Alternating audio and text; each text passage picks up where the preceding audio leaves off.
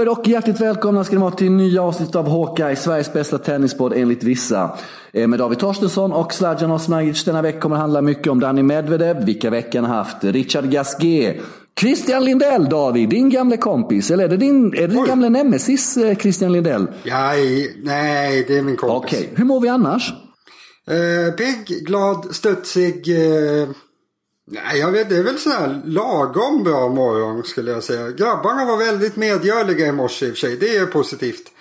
Ja, jag tycker det är väldigt kul att du tog upp dem för att eh, vi hade ju ett avsnitt förra veckan som, som tog ungefär tre fyra dagar för mig att hämta mig ifrån. Då när jag frågade dig om du skulle ta en kula för din fru och dina barn och det blev tyst. Det blev tyst så pass länge att jag fick ringa till Kevin, vår redigerare, och be honom korta ner pausen så inte socialtjänsten kommer och hämtar barnen för dig. Det har de gjort om det hade hänt på 80-talet i Sverige.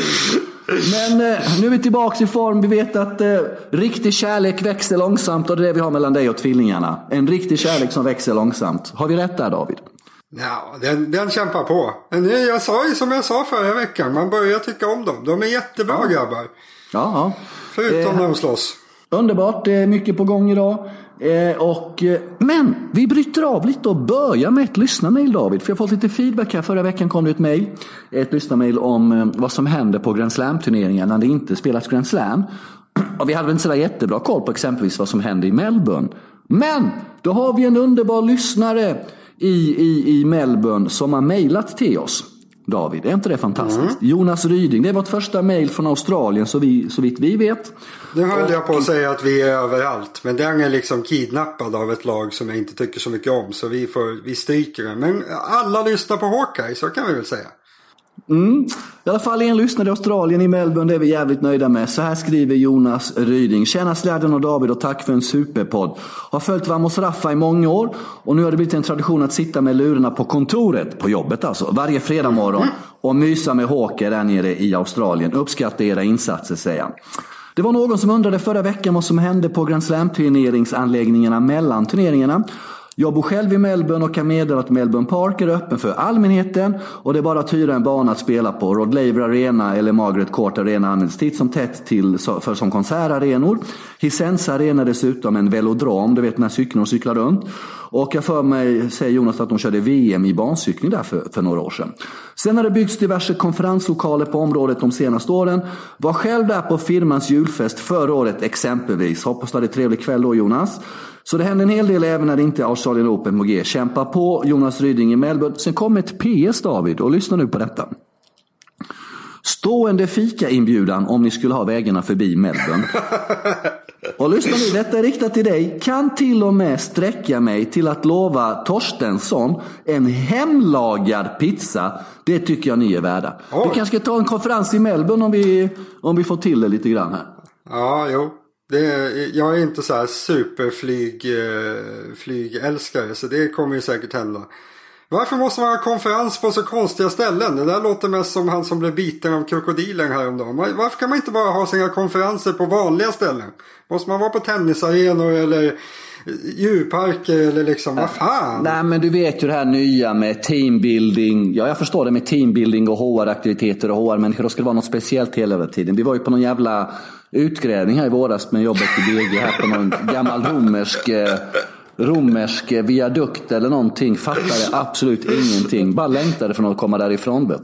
Det annan låter i och för sig som ett dåligt val. Då hade jag hellre tagit Skansen-akvariet med krokodiler som springer omkring och biter folk. Det känns ju mer händelserikt. Jonas, liksom. stort tack för att du lyssnar på oss nere i Melbourne och vi uppskattar ditt mejl jättemycket. Vi kommer komma fler lyssnarmejl senare i programmet, men vi vill ändå bara följa upp med det förra veckan. Du David, med, David Danny Medvedev David, vilka tre veckor? 1900 inspelade poäng. Final i Washington, förlust mot Kyrgios. Jag ber om ursäkt, jag kallade honom clownen förra veckan. Ska jag lugna ner mig. Jag kände överlag att jag kanske var lite elak förra veckan. Du har en poäng i det David, att jag kan vara lite elak ibland för lugna ner mig lite där. Eh, final i Montreal, torsk mot Nadal, vinst i Tsintsi mot Goffin i finalen. Men framförallt slog ju Djokovic i semifinalen där och slängde iväg tre andra servar i sista gamet som gick över 200 km i timmen David. Fy fan vad kaxigt. Ja, han smackade på bra i servern egentligen hela sista setet. Det var, jag vet inte, han, han chansade lite grann i allmänhet och särskilt i, på slutet där. Nej, men vad, vad ska man säga liksom? Det är inget nytt. Vi har ju snackat om Medvedev de senaste veckorna här. Han, Nu är han ju liksom, han är ju första utmanare bakom dem. Plus det här att ja, men Djokovic kan han slå. Och det, jag vet inte om vi har det som en punkt senare i programmet. Men det, mm. det är väldigt intressant det där att han slår Djokovic. För det är just någon som kan slå Djokovic som vi behöver för att det ska bli riktigt spännande igen. Och nu mm. är ju Medvedev där. Han, han, han, visar att han kan slå Djokovic. Jag är fortfarande tveksam i övrigt. Kan han slå Nadal? Kan han slå Federer? Tveksamt. Men Djokovic alla gånger. Vi tittar på det David. Vi tittar på det. Han hade 0-3 head-to-head mot Djokovic. Festen gillar han firar sina finalsegrar eller han vinner matchen. Han bara springer fram till nätet direkt. Inga gester återhållsamt. Man hade 0-3 mot Djokovic. Nu är det 3-2. Han har ju slagit honom i Cincinnati. Ursäkta, och i Monte Carlo i våras. Mot Rafa har han 0-1. Det var finalen i Montreal. Då hängde han ju med bra i fyra game. Men det var väl det ungefär då. Va? Och mot Roger har han 0-3. Vi ser att Medvedev är en spelare som är väldigt intelligent på banan och har väldigt hög spelintelligens. Han har hittat en väg mot Djokovic. Tror du han kan hitta en väg mot Nadal så småningom? Eh, han hängde med i fyra game i finalen som sagt, men kan han hitta en metod? Han har ju längden, eh, liksom, eh, om det skulle, de här, han, det känns som att han kan hitta en väg och göra det livet surt för Nadal också så småningom. Eller vad tror du om det påståendet?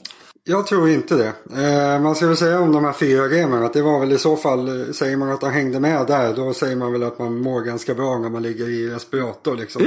Man såg på spelet där att det här kommer aldrig någonsin gå vägen. Jag såg liksom, först, han hade väl breakboll i första gamet tror jag. Då, då, då sa jag, tror jag där, att nej men det här, han är helt chanslös. Han kommer få liksom 5G max. Man såg på det här, med det här spelsättet, han har inte en chans. Eh, just när det gäller Nadal Helt ärligt så tror jag inte att han någon gång kommer få ens halvvettig statistik mot Nadal. För mot Nadal, alltså du kan inte slå Nadal om du inte är väldigt duktig på att avgöra på högt studsande bollar. Du måste liksom vara duktig på att spela bollen i höga positioner. För Nadal har ju sin sin toppspring och sin höjd i slagen liksom. Och de som har slagit honom på senare år, de har utnyttjat det och kunnat vända det till att vara en fördel för de har fått bra vinklar och kunna attackera med. Eh, Medvedev har inte, han har varken tekniken eller förmågan för att kunna slå på höga bollar. Han, han kommer liksom inte han borde ha det för han är så pass lång. Men han har en teknik som inte alls passar för utan när han ska slå på de här och försöka attackera höga bollar det blir extremt små marginaler i hans lag. Eh, blir otroligt nördigt det där. Men jag, jag har svårt att se att han någon gång ska kunna ha på något sätt lätt för Nadal. Det kommer alltid vara Nadal som har lätt för Medvedev. Eh, och så ska man dra Federer där också. Jag tror, alltså, han har jättebra försvar Medvedev. Han har jättebra på kontra. Men går det lite för snabbt när han möter Federer kanske? Jag tror det. Alltså, Nej, jag tror att han kommer få svårt att slå dem där särskilt ofta. Eh, men Djokovic som sagt, det passar honom bra på ett helt annat sätt. Där blir det liksom precis det spel han vill spela och det är han ju sjukt duktig på. Djokovic kan inte göra så mycket åt det. Så, ja, vi har en ny spelare bakom de tre bästa och Djokovic har fått en eh, magumsmotståndare. Det är min eh, slutsats av det som har hänt senaste veckan. Vi får se vilken kvart, halva, vilken kvartsfinal mm. potentiellt kan bli när lottningen kommer under fredagskvällen eh, svensk tid skulle jag... Eh, Danny Medvedev eh, har lite självförakt också, lite, Andy, lite mini-Andy Murray där när han blir lack på sig själv. Han visar ju mer negativa känslor än positiva. Jag gillar det lite grann faktiskt. Hur ser du ja, på det? men du var ju inne på det. Han, han blir inte glad när han vinner. Man kan ju tänka sig när man vinner sin första Masters-titel att man ska liksom jula, köra några kullerbyttor och ställa sig och köra tio upphopp liksom. Man borde ju bli väldigt, väldigt glad. Eh, men han det var ju mer liksom upp med en arm i luften och sen eh, gå fram och be Djokovic om ursäkt för att det blev som det blev. Amen. Att han råkade ja. vinna typ. Eh, men det, det är som du säger. Han, jag tror att det beror på att han är så arg på sig själv hela tiden. Att han liksom inte...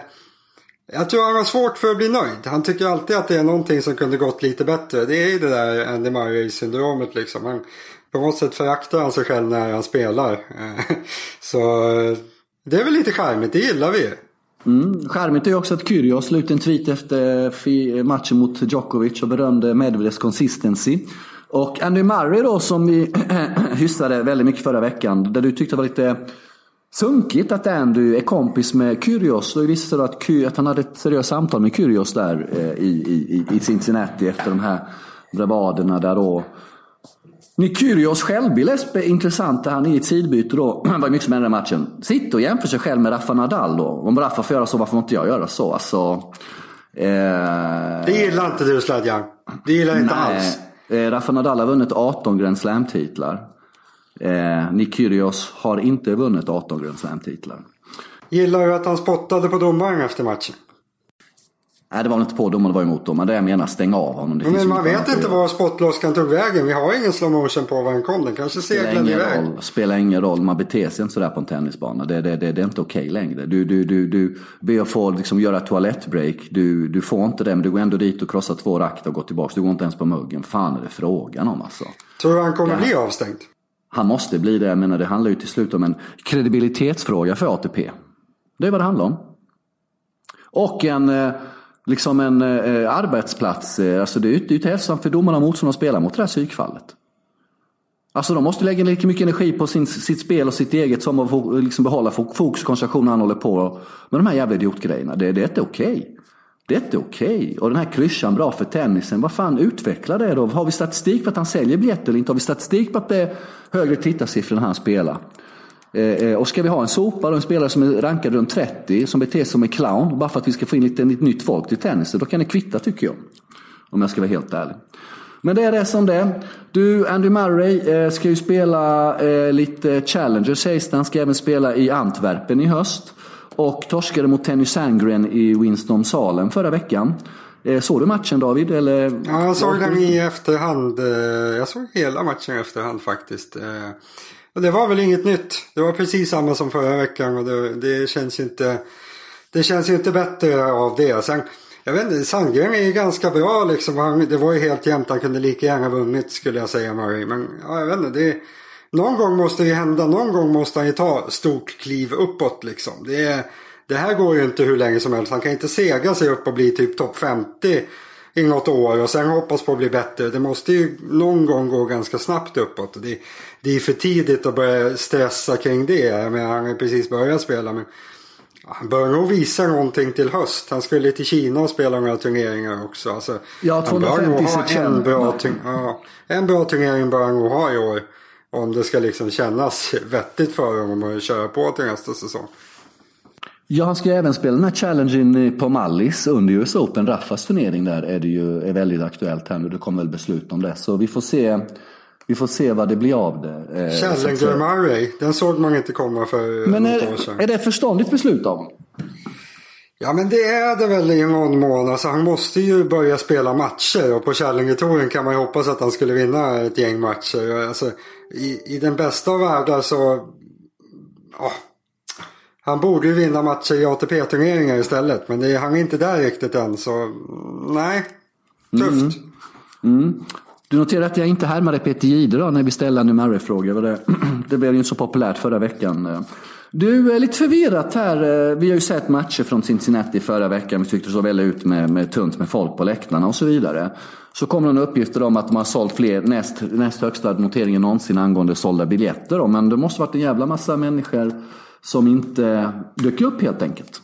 Ja, det känns väl som, som en bra slutsats. Jag vet, problemet är att mitt minne sviker mig lite där. Jag minns inte hur det brukar se ut i Cincinnati. Om det brukar vara mycket folk. Men innan du sa det där till mig. Alltså jag var ju, det var ju någon som hade skrivit det också sa du. Men det var ju alltså min känsla var att det var ju aldrig publik. Det var inte ens publik när Djokovic spelade. Det var inte publik i finalen. Eh, jag vet inte. Det, just det här som man har pratat om senaste veckorna. Eller man. Det är, jag ska nog säga jag om mig själv. Att Bryr de sig lika mycket om Masters-turneringarna fortfarande de här stora Djokovic, Nadal och Federer? Nej, Nej, alltså, det är klart de inte gör. de gör nej inte och det. liksom kommer det återspeglas lite på publiken att när det nu blir Medvedev, Team och Kachanov och Zverev som vinner Masters-turneringarna kommer det vara helt fullsmockat likt en Grand Slam-turnering på alla Masters-turneringar framöver? Ja, Och det har att göra med att det är för mycket tennis, för mycket turneringar, de bästa väljer bort och så blir det lite urvattnat.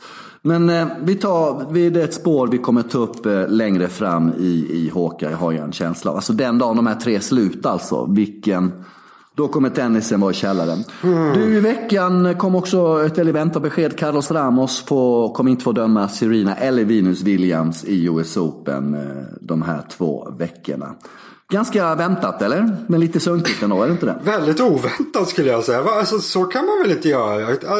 Hur förklarar man det? Vad, vad finns det i det som du tycker är rimligt liksom? Jag, jag tycker det låter helt, Nej, jag säger ingenting att det är rimligt. Jag säger att det är väntat. Att det var helt Får vi- väntat. Alltså väntat för att händelsen är vek liksom. Eller för att det ska vara så. Men du har ju? Rafa och Bernardes också. Han fick ju inte döma Raffas match ett tag. Det, ju Det, väl- funkar det har väl aldrig stått någonstans överhuvudtaget. Det är väl möjligt att folk har gissat att det kunnat vara så. Eller har det stått någonstans att han inte får döma Raffas matcher? Nej, men han dömde ju inte hans matcher på var det två och ett och halvt, tre år efter en incident. Nej, precis. Och det man jag, så kan man göra. sen. Man kan ju välja att inte sätta Ramos på Serenas matcher. Men man behöver väl inte berätta det för folk. För då erkänner man ju att man är korrupt liksom. Att spelarna får avgöra. Det vore, vore ju superkonstigt om man liksom David. erkände att nej, men Ronaldo är osams med vad nu domarna heter. Så nu ska inte han döma Champions League-finalen. Så skulle man väl aldrig säga. Ja, man kan ju se det på, på, på, på, på, på olika sätt här. Vad jag försöker säga är ju bara det att eh, det var inte så förvånande att det här beskedet kom. Och det faktum då att eh, Catherine Adams som eh, är ordförande för USTA förra året, ett par veckor efter US Open, var Davis Cup i Kroatien mellan USA och Kroatien och Ramos dömde. Det finns ju en bandplan hur hon ber om ursäkt för allt det som hände där. Så att vi vet ju allihop att det är bara en charad för att hålla uppe Sirenas eventuella oskuld i sammanhanget som ju är noll. För det var ju hon som var skyldig till allting. Liksom. Jag menar, Jag tycker det låter helt sjukt. Alltså, det, det, det, på, indirekt så erkänner man ju att, att hon har en poäng. Liksom. Det, det här ser ju ut som att Ramos skulle ha gjort något fel. Nej, det låter... Det, är, det vet alla att. Jag tolkar det helt tvärtom. Men det, vi går vidare. Strax ska det handla om veckans, Värdelöst i alla fall. Usch. veck, veckans spelare. ska handla om strax. Och det är Richard Gasquet. Men först ska vi bränna av lite lyssnarmail här. Vi har fått in väldigt, väldigt många goa här. Eh, den här är klurig David. Här måste vi jobba med våra minnen. Det här är från Alexander Hellgren. Eh, skriver så här. Efter Wimbledonfinalen upp, uppmärksammades hur många gånger Rafael Nadal, Novak Djokovic och Roger Federer har förlorat när de haft matchboll i en match. Skulle tycka det var intressant att ta reda på hur många gånger de vunnit en match där de räddat matchboll. Oj, jag skulle vilja höra era gissningar och sen kan ni väl försöka ta reda på svaret också. Jag ska göra mitt yttersta för att hjälpa till med att hitta svaret. Tack för en livlig, tack för det, och intressant podd. Hälsning Alexander, tack Alexander. Ja, du får nog hjälpa till här. På rak arm, hade inte Nadal, eh, Nadal brände väl matchbollar mot vår vän Kyrgios i Acapulco i februari, gjorde han inte det? Och torska matchen, var det inte så? Djokovic räddade ju matchbollar mot Federer eh, även semifinalen i US Open va? Och vann Den sen och minns vann hela, vann hela turneringen. Hade de här två sjuka returerna. Ja. Och den gudomlige... Fan, det var ju skrek- min match. Den skulle jag ta. Det är den enda Ja, jag då får du minns. skylla dig själv. Lucky Shot skrek väl den gudomlige till den förfärlige Ja, efter just den. det. Alltså så jävla lågt av Roger. Alltså, låg, alltså den är så låg. Fast det alltså. gjorde han väl inte. Nu hittar du väl på. Nej, det gjorde jag inte. Det gör jag Nej, inte alls på. Jag ber om ursäkt till Patrik, eh, vår lyssnare i Göteborg, som fikade med mig i somras. Vem vet han älskar Roger. Men den var låg, måste jag säga. Eh, ja, så vi hade samma exempel. Då. Så det var en match vi kunde komma på. Då, en Ja, det, det, det är förmodligen, de har en, en var har de vänt där de har eh, haft matchboll mot sig. Nej men hur många kan det vara? Alltså om man ska göra en överslagsgissning. Hur många gånger, har- alltså jag tror att det är, rent generellt så tror jag att det är otroligt ovanligt att en spelare som har räddat matchboll vinner en match. Alltså mycket mer ovanligt än vad man tror, tror jag. Eh, Sen hur många gånger de har gjort det. De förlorar ju ganska sällan får man tänka. Jag tror eh, 20 på Nadal. 20. Okej. Ja, har Alexander, vi ser fram emot eh, ditt mail kommande vecka. Eller när du har Ja, hittat här fullständig rapport på det där Alexander. Du bör gå igenom alla ATP och Grand Slam-matcher senaste 15 Ja. åren. Helst 20 åren och sen sammanställer du det där till ett litet Excel-ark och så mailar du det. Så tar vi upp det nästa vecka. Ja, jag säger så här till Alexander. Om du vill ha en statistikhörna via mail varje program, varje avsnitt, tre minuter, så är du välkommen. Det är bara att skicka in grejer. Sådana är vi. Vi, vill, vi är inkluderande som det så vackert heter. Jajamän, alla ska med. Och vad har vi för värdegrund detta tomma ord, denna rubrik som alla pratar med som ingen vet vad det betyder? Okej, här kommer ett mejl från eh, som jag, killen vi har fått mejl av för, förut. Eh, hoppas han har en ordentlig värdegrund. Eh, det är då vår gamla vän som undrade om, eh, om Djokovic guru är Pepe Imaz, Vishnu. Kommer du ihåg Vishnu? Ni var, ja, det var ni som var så osams. Det var en stor bråk. Det var, liksom- nej, det, herregud, om du kallar det här för bråk som... Det var bråk. Eh, ja, okej. Ska vi läsa Vishnus mejl då? Hej Sladjan Ja, ja, och ja. Torstensson. Här är jag, Vishnu igen. Denna gång med en icke Peppimas relaterad fråga som lyder. Skönt. Hur tror ni att 90-talets stora förgrundsfigurer eh, Pete eh, Sampras och André Agassi skulle klarat sig mot de stora tre? Förstår att det kan vara svårt att jämföra olika epoker, men det vore intressant att höra ur ett spelstidsmässigt perspektiv hur dessa två skulle stå sig mot dagens Giganter. Oj, det blev engelska helt plötsligt. Hur många slams hade Sampras Giganter kanske? Mm. Vilken matchup hade varit mest spännande? Den är intressant. Federer och Sampras hann ju möta varandra exakt i en åttondel i Wimbledon var det väl va? Eh, och eh, skrev i Vision också att han vill minnas att Nadal vann sin första titel på hardcourt eh, mot Agassi i Kanada. Eh, tack för en mycket trivsam podd säger Vision. Ja, vilken matchup skulle vara intressant att stå av Pete eller André mot någon av dagens tre giganter? Vad känner du där spontant? Ja, alltså det man kan säga det där, det här känns som att jag både pratar och skriver om varje vecka. Så det här är lite, det här kan jag ju utan till kan man tycka vad jag ska säga. Men, eh, Sampras skulle ju ha det väldigt, väldigt tufft såklart. Eh, han var ju liksom servkanon men på den tiden var han även ganska bra i spelet. Nutid hade han varit totalt chanslös i spelet. Man skulle kunna jämföra med om man tittar på väldigt tidiga matcher av Federer. Eh, han, liksom i tidiga år, då var Federer ungefär den spelaren som Sampras var när han var som bäst. Eh, och den tidiga Federer hade ju liksom, om man fått möta sig själv idag hundra gånger hade han inte vunnit en enda gång. Eh, så Sampras, jag tror att Sampras kanske hade kunnat vara på gränsen till topp 10 idag om han haft sin spelstyrka då som när han var bäst och applicerade den på idag. Kanske topp 10. Eh, sen måste man ju väga in, hade han spelat idag hade han ju akklimatiserat sig, utvecklat sig på ett annat sätt av att konkurrensen var hårdare. Bla bla bla. Men det enda jag tycker man kan göra det är att ta exakta spelstyrkan från när han var som bäst. Sätta in den idag och då säger jag kanske topp 10. Eh, Agnes är lite mer intressant egentligen för han hade ju en väldigt Hans spelstil var egentligen lite före hans tid. Att han spelade ju lite grann som han spelar idag Eh, redan på 90-talet. Eh, så i teorin skulle det kanske vara lättare för honom att anpassa sig till dagens tennis. Samtidigt som man också måste säga att eftersom han spelar ganska lika de, hur de spelar idag.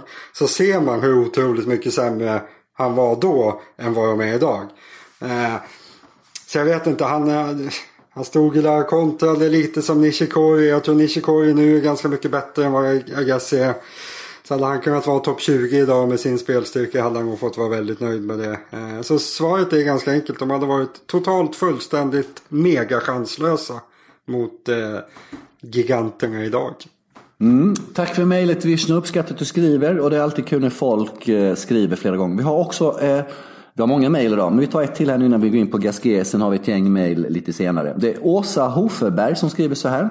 Hej, började följa tennis 2001 under en föräldraledighet och sedan dess har det eskalerat. Upptäckte bloggen Vamos Raffa för några år sedan och du David blev ett komplement till Maria Tomsvik Strandlund på Eurosport Discovery eller vad det heter. Eh, hörde i efterhand att ni röstat om vem som är snyggast av de tre stora. Ja det hade vi ju. Var det förra veckan eller var det veckan innan? Kan? Nej det var väl på, ja, var... på Twitter eller vad det nu heter. Apropå utse... Oj det här var intressant David.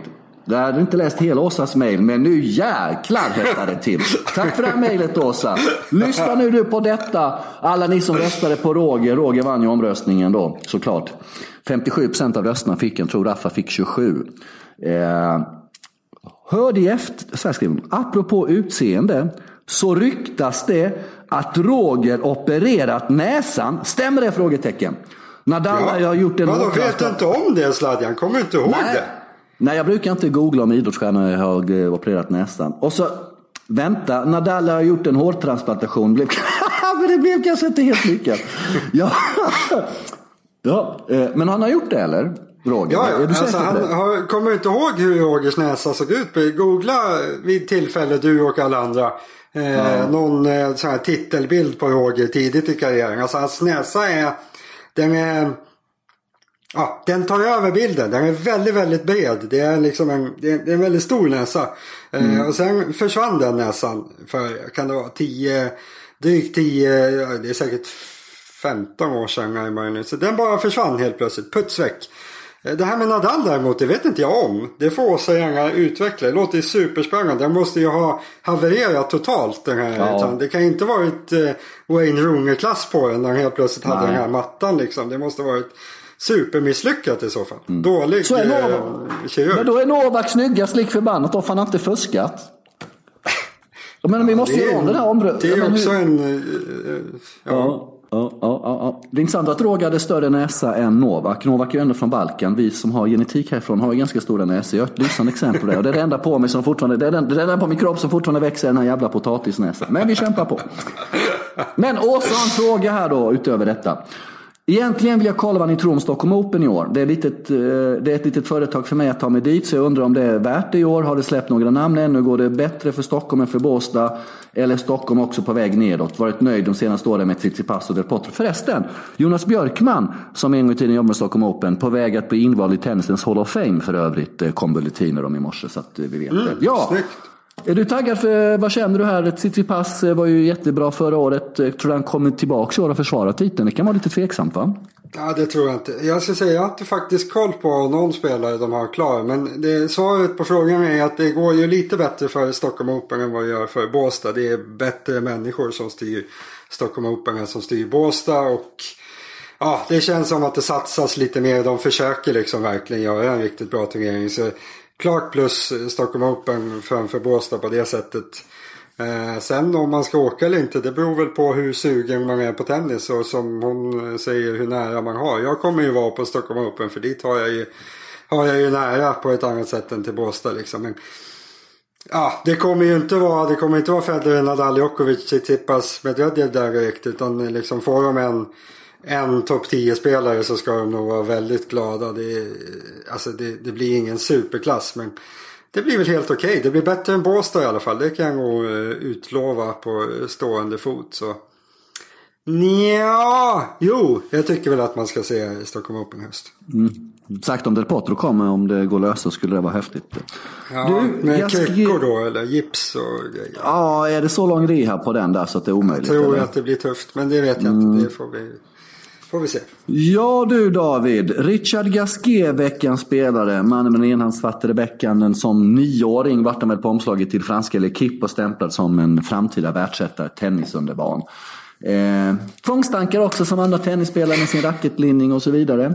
Och eh, har ju haft lite problem med skador, eh, var lite avstängd. Eh, hade en liten härva där med kokain vet du, kommer du ihåg det? Ja, ja. Eh, så en, en avstängning lyckas få, få hävd eftersom han hävdar att han hade det var ju väldigt, väldigt lite kokain motsvarande ett saltkorn när jag gick in och fördjupade med detta går. Och det hade han liksom fått i sin kropp då. Eftersom han hade kysst en strippa i Miami då som, som, som uppenbarligen. Ja, det, det, det var förklaringen och han slapp undan. Var det, var det specificerat att det var en strippa också? Det var liksom ingen, det, ingen det var han, träffat på? Nej, det var han okay. säger själv sagt då. då. Sen, ja. sen så, eh, oavsett det, fantastisk vecka i Cincinnati förra veckan. Tog sig hela vägen fram till eh, semifinal slog ut Baptista Gutt till exempel som vi hade, trodde att det skulle ta sig hela vägen från, från, från undre halvan. Sen torskade mot Dao Goffe i, i semifinalen. Men det är kul att se Richard Gasquet tillbaka tycker jag. Det är en fin lirare att kolla på emellanåt. Ja, verkligen. Han, han är ju mångas favoritspelare faktiskt skulle jag säga. Det har man enhandsbacken så är man ju i allmänhet älskad av gamla tennisstofiler. Som du Sladja. Nej, du är ingen stofil.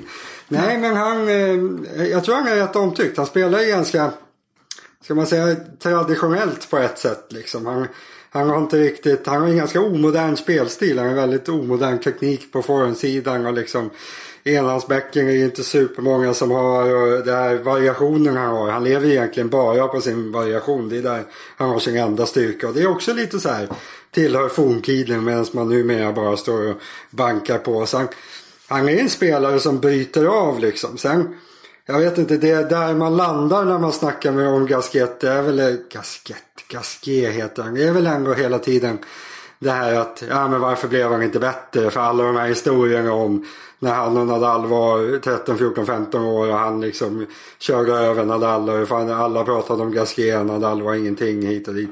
Det stämmer inte riktigt men jag tror ju att han i den åldern var väl lite bättre än Nadal. Eh, och ja, Nadal har ju fått en lite bättre karriär och slagit Gasquet 16 och 16 gånger eller något sånt där. Så han har väl inte utvecklat så mycket Gasquet. Han, om man tittar på de bästa spelarna, eh, Nadal, Federer framförallt, så har de liksom, tittar man på i början på, av karriären, då har de en spelstil som är liksom mil från hur de spelar nu. De har hela tiden varit besatta av att förbättra, förändra och liksom finjustera för att de ska bli så bra som möjligt. Gasquet Ja, han är väl samma spelare som när han var 18-20 år liksom. Det har inte hänt så jäkla mycket. Och det, det är väl det som har hindrat honom från att nå den absoluta toppen. Annars hade han haft samma liksom moral och driv och allt sånt där. Då, då hade han säkert varit där uppe. Det, det tror jag faktiskt. För liksom talangmässigt, det, där är han ju magisk såklart. Och även om han är skadad mycket, egentligen har han ju fysiken också. Han är ganska snabb, han har rätt längd liksom. Och han hade kunnat vara en, eh, blivit en bättre spelare än vad han har blivit. Tittar man, jag tittade här en vecka när han var på väg att gå till eventuellt final i, i mm. Cincinnati där. Alltså han har ju, han har varit i två mastersfinaler var det väl. Aldrig varit i en mastersfinal, aldrig varit i en Grand Slam-final. Inte många semifinaler i Grand Slam-turneringar om ens någon liksom. Han, jo, han har, han har faktiskt uppnått ganska lite. Ja, försvinnande få i alla fall. Så han har liksom sett till, han är ju väldigt känd liksom. Alla som har tittat på tennis överhuvudtaget vet ju vem Gasquet är. Men kollar man på hans karriär, han har faktiskt inte uppnått så väldigt mycket. Så lite av ett misslyckande är det. Men kul att han är tillbaka. Alltså han har ju varit fladdrat ifrån rejält senaste ja. året och åren. Han har ju liksom varit ja, mil ifrån att vara topp 10 på sistone. Så semifinal i Cincinnati, det är ju sjuk framgång för honom. Hoppas han kan klamra sig kvar för han är kul att titta på. Och har han världens snyggaste backensladd? Mm, ja, den är så svår den där alltså. Det har, eh... Nej, jag tycker nog att Vrinkas är lite fetare om vi ska titta på de enhandsfattade faktiskt. Det Gör det? Ja, jag okay. tycker det. Mer kraft Han är där uppe i toppen? Ja, ja. Det är han absolut. Det står mellan honom, Chapovalov, Federer, Tsitsipas, och Rinka. Ja, det är väl de fem man kommer upp som kör enhandsfattat som man kommer upp på, på rak arm. Du vet vad de har för favoritsport vid snavtennisen? Kan det vara basket, rugby måste eller fotboll? Måste ju vara basket som alla andra. Basket, Nej. måste ju vara basket. Va? Fakt rugby. Han är från en, från en stad som heter Brezier som har ett väldigt, väldigt bra rugbylag. Men! Du är inte helt snett ute, för apropå basket så är tydligen då Tony Parker, NBA-ikonen, fransmannen, en gång tiden tillsammans med Eva Longoria va, från någon tv-serie. Mm. En av hans absolut bästa vänner, privat faktiskt. Och mm. vänner privat, det är ju inte du och Brasilien för det svenska tennisspelaren Christian Lindell om jag har förstått hela rätt. Nej, vi är, han är osams med mig. Mm, han var ute här i veckan då liksom. Jag har ingen riktig koll på den att ni har en historia där. Och han jobbar mycket som DJ nu vid sidan av tennisen. Han pratar mycket med sin flickvän och sådär. Och och var ganska elak mot folk i Sverige som spridde rykten och så. Och så visade det sig att det var egentligen dig han syftade på. För du har väl lagt upp ja. lite grejer för den här höga matchen i Quito när bollen flög på grund av den höga höjden och luften. När du påstod att han Du tyckte att det var jätteroligt när jag berättade för dig ja, det tyckte jag var kul. Det, det är jag. De här tennisforum som har spridit rykten om honom. Det är, det är en omskrivning av jag. Ja, vad var det för rykten du spred och varför spred du dessa rykten? Nej, men han, han har ju senaste åren, han har alltid varit lite stökig. Han har ju bytt från att spela för Sverige och Brasilien. Det är väl tre gånger, eller om det är, jag tror det är tre gånger. Han har bytt liksom hit, dit, sen byter han tillbaka, sen byter han dit. Eh, lite stökigt så där kan jag tycka att inte veta vilket land man ska spela för. Eh, sen har han...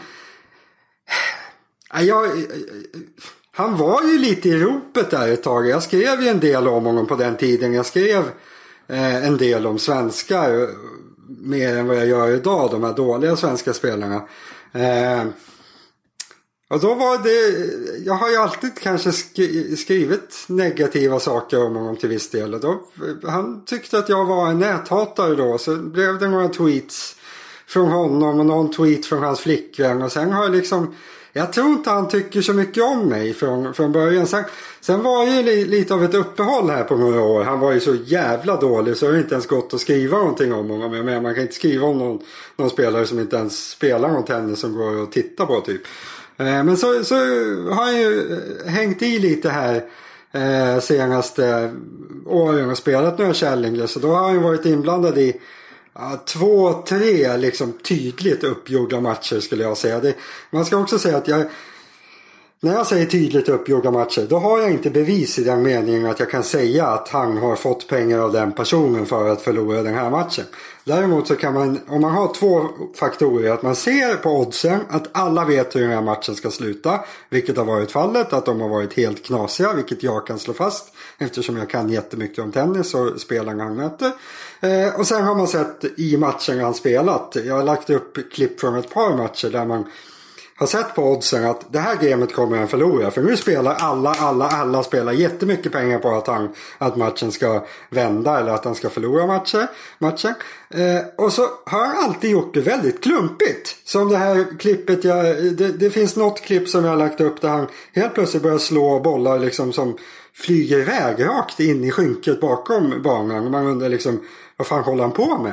Och så här, det här klippet jag visade dig eh, härom, häromdagen eh, då när han, han får en serv mot sig så försöker han liksom ducka för bollen eller flytta sig på något sätt så att han inte så att han inte ska råka slå tillbaka bollen och riskera att förlora. Nej, han har, jag tycker inte om det där. Jag tycker inte man ska hålla på med sånt där riktigt. Och, jag, vet inte, jag tycker inte riktigt. Jag tycker inte han verkar vara någon superkille, Christian Lindell överhuvudtaget. Men ja, det var en spännande intervju där i Expressen. Den ska man läsa. Jaha. Nu har inte Christian Lindell möjlighet att försvara sig eh, i det här sammanhanget. Eh, men eh, jag då Han kommer inte få det heller. Försvarsadvokat.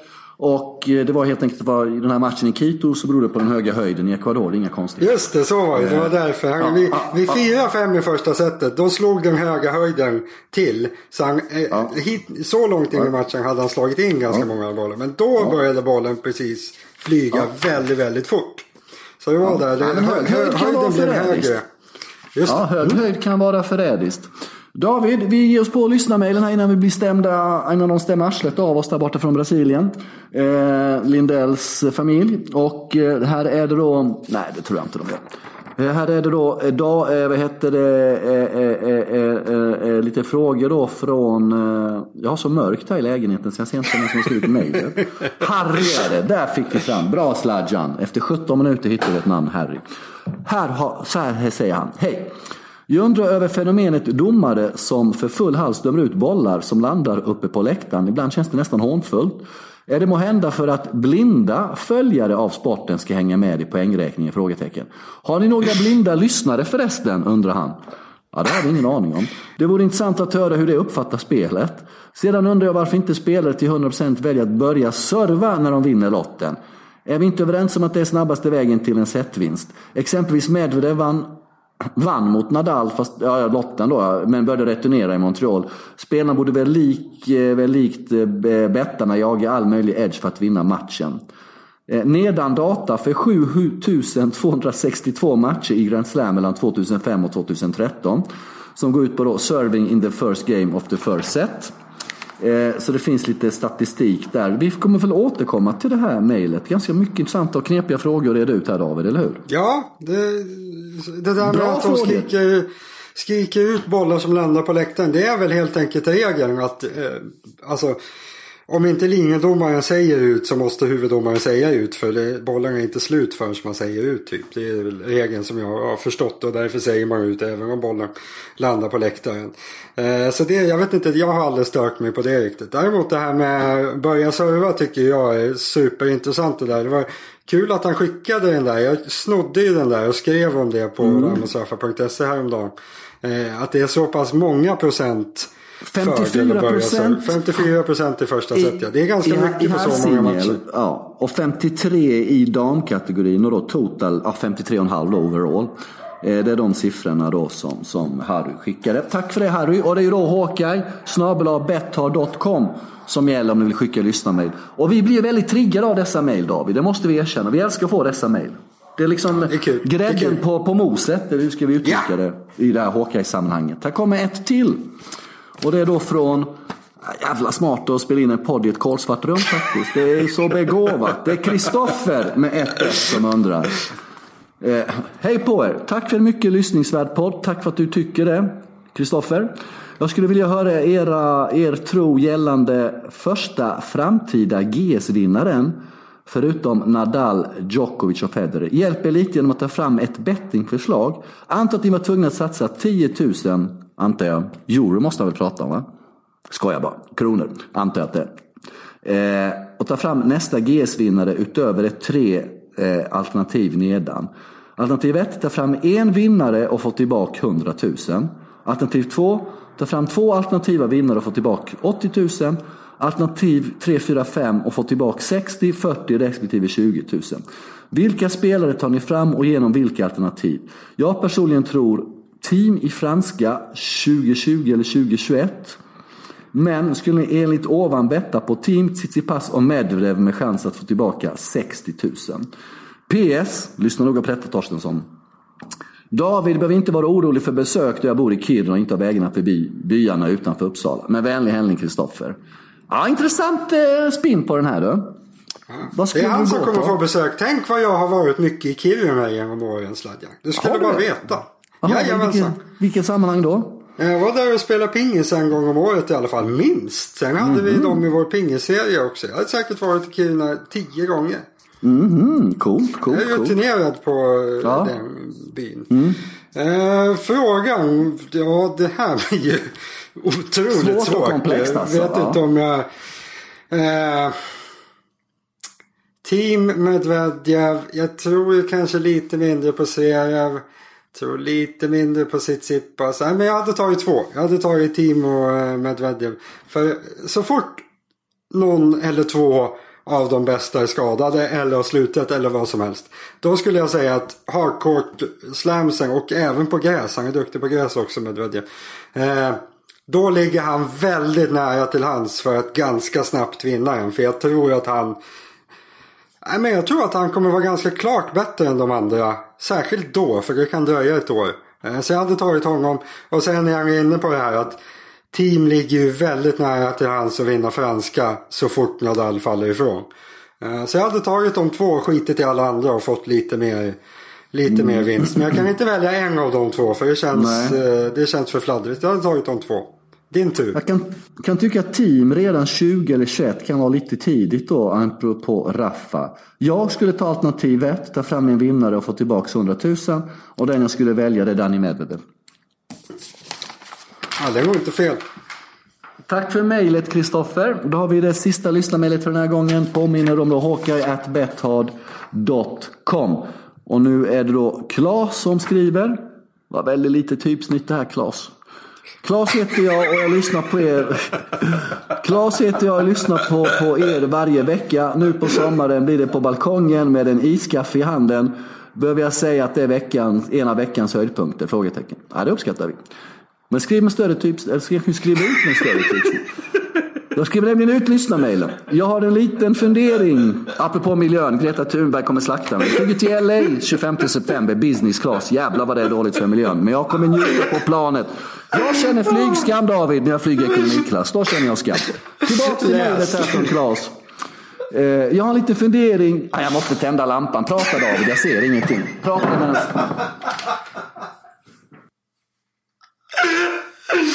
Oj, oj, vilka roliga bilder i huvudet. Och Sladjan sitter i någon slags mörklagd kammare där med... Yes, det är ingen lampa du kan tända ju, nej. Jag ber om ursäkt till Kevin som redigerar, jag ber om ursäkt till David som gör detta, jag ber om ursäkt till Betthard som gör det här tillsammans med. Jag ber om ursäkt till alla som lyssnar och till Claes. Vad ska jag be om ursäkt till henne för? Du var dum mot henne. Du sa att du skulle njuta av att flyga. Förstår du hur jobbigt det är för henne att höra när hon sitter där på sin segelbåt? Men lyssna David. Om den här Dåligt. besättningen på den här segelbåten, de här fem Ja, de ska flyga hit och dit. Ja, det, det kanske inte handlar om att spara. Det handlar om signalväget. Och seglar. Det är så vi måste göra i framtiden. Vi ska segla om vi ska Men den resan gör ju mer skada för miljön än vad liksom min gör till Los Angeles. Då får jag hitta några åar och segla på. Jag kan ja. inte ta bilen. Det håller inte. Vi måste ta bort vägarna. Ja. Stopp! Okej. Okay. Vi återvänder till Klas mail här nu. Eh, då ska vi se här. Eh, Yes, yes, yes, yes, yes, yes. Jag har en liten fundering kring vad det kan bero på att vissa spelare planar ut tidigt trots enorm talang och andra svettas och är aldrig upp. Som två uppenbara exempel har han Zverev och Ferrer. Min teori är att de har haft väldigt skilda mål med sin tennis. Jag känner, jag känner ingen av dem ska jag tillägga. Min gissning är att Zverevs mål har varit, att, varit monetära primärt, att bli ekonomiskt oberoende. Eh, eh, och gissningsvis även tennisgroupies. Eh, Ferrer eh, ville bli bäst i världen i tennis och jobbade som nästan ingen annan för att eh, nå så högt han kunde. Problemet är att Sveriges typ av mål uppfylls tidigt i karriären nu för tiden. Han var nog klar pengamässigt när han var 20-21. Genom sponsorskap och så vidare och tennisgroupies blir nog rätt tradigt efter ett tag. Det vet vi ingenting om för vi har aldrig haft sådana andra exempel kan, som Zverev är Kyrgios Dimitrov, kanske finns fler. Eh, att det finns personer som Nadal, Federer, Djokovic, Ferrer vars arbetsmoral, och den typpunkten är väldigt viktig, för det är som här de här tre sticker ut, arbetsmoralen. Eh, Ja, man tror att det beror mycket på personerna kring dem, vilka man liksom omger sig med. Eh, hur känner du inför de här frågorna? Ja, var inte frå alltså frågan, vad var frågan? Jag skulle säga att jag håller med Claes. Det var mitt svar på det. Att han har helt rätt. Förutom på punkten att jag tror aldrig att Färre trodde att han skulle bli bäst i världen på tennis. Däremot kämpade han nog för att bli så bra som han kunde utifrån sina förutsättningar ganska hårt. Han trodde väl att han skulle pika runt plats 30 typ som han såg sig själv. Sen blev det lite bättre. Men eh, Ja, jag tror han är väldigt spot on när det gäller Zverev. Eh, alltså, ja. Men är det för han, mycket... har, han har kanske inte det där i sig att han liksom... Att det är så viktigt. Han tycker det runt omkring känns lite för bra. Medan det finns spelare som liksom ja, kanske efter karriären bryr sig om att de har fått lite pengar. Men när, eh, alltså, många idrottsmän säger att jag bryr mig inte om pengarna, jag spelar bara. Det är skitsnack såklart. Det är, det är väldigt bra att ha pengar, annars skulle de inte kunna hålla på till att börja med. Men de, de har ändå det där att de bryr sig inte så mycket om de tjänar ännu mer pengar. Utan allt handlar liksom om att vinna, vinna, vinna, vinna. Medan Sverige kanske har lite fokus på andra saker. Det känns som att han fokuserar rätt mycket på vad folk ska tycka om honom. Och, och allt sånt där. Eh, så att det finns två olika pers personligheter där, inget snack om det. Och det är ju grundläggande om man ska bli bäst. Mm. Claes tillägger också att han hoppas att de unga ryssarna vi pratade om förra veckan inte blir som dem. Och, nej, det tror jag inte. Det tror nej. jag inte faktiskt alls. Och kan kommentera lite också. Vi nämnde ju förra veckan då den här uppvisningsmatchen mellan Rafa och Novak i Kazakstan. Den veckan, Wien och eh, Basel, turneringen är veckan innan Paris 1000 Mastersen. Eh, han har svårt att smälta detta att de åker eh, dit och bara spelar för en fet check. Han tror att det måste ligga något annat bakom. Nej, de spelar för Kazakstans ungdomar. För att sprida intresset. Plus lite pengar som de tjänar då. Ja. Du, David, har vi lite odds? Slutsegerodds US Open. Det är dags att runda av sändningen för den här gången. Vad får ja. vi för Djokovic, Federer, Medvedev och Nadal? Har du hittat? Vad har Bett har att bjuda på? Nu tänkte, jag, nu tänkte jag ta fram de här, men jag har dem i huvudet. Jag har tittat så jävla mycket på dem så jag har dem i huvudet Sladjan. Det, det är, är Djokovic, Djokovic 2,15. Nadal 5 mm. gånger pengarna. Federer 6,50. Medvedev, Zverev 17 och sen kommer den här stora klumpen eh, spelare som ligger runt 20 gånger pengarna. Vill du ha ett specifikt odds där så kan jag ta fram dem på två sekunder. Men så ser det ut ungefär. Nadal före Federer i alla fall. Det är väl det man kan säga. Mm. Hur ser det ut på damsidan då? Coco Gauff kommer dit, har ju fått eh, wildcard till exempel. Hon är inte redo att vinna men vad får man för Serena och Halep och Pliskova de här? De har jag inte i huvudet, men jag har dem framför mig. Favorit, Serena Williams, 5,50. Lågt.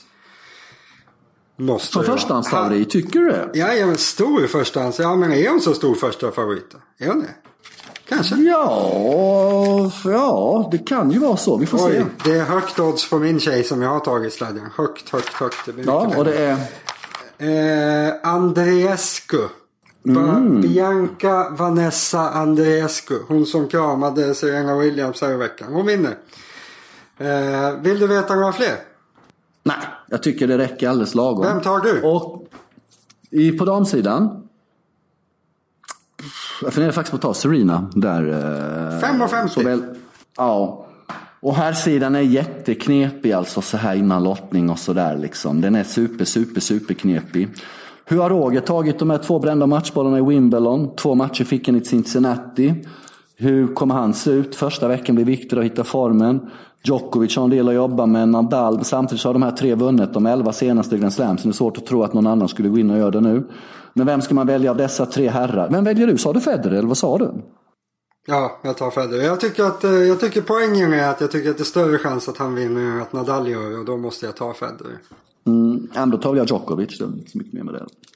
2,15. Mm. Bäste David, Du tar tack. favoriten i båda klasserna. Moget. Modigt. Så kan man säga. Så kan man säga. En kommersiell kille. Vi tackar alla som har lyssnat på det veckans avsnitt. Vi är tillbaka nästa vecka. Ett stort tack till dig David. Vad händer i helgen då? Eh, familjetid. Vi måste vara med familjen nu inför US Open. Det är, vi vi, vi mm. måste passa på att umgås och ha det fantastiskt. Mm. Så vi åker väl ut till någon häng här, har picknick, eh, alla är glada, pigga. Eh, ja, mysigt. Nej, det kommer vi inte alls göra. Men vi, det, det, det händer nog inte så mycket helt enkelt. Eh, själv då? Mm. Nej, det kommer inte hända någonting. Som vanligt. Det är så vi vill ha det. Eh, Härligt. Tusen tack. Vi hörs nästa vecka på återhörande. Hej, hej. Hej.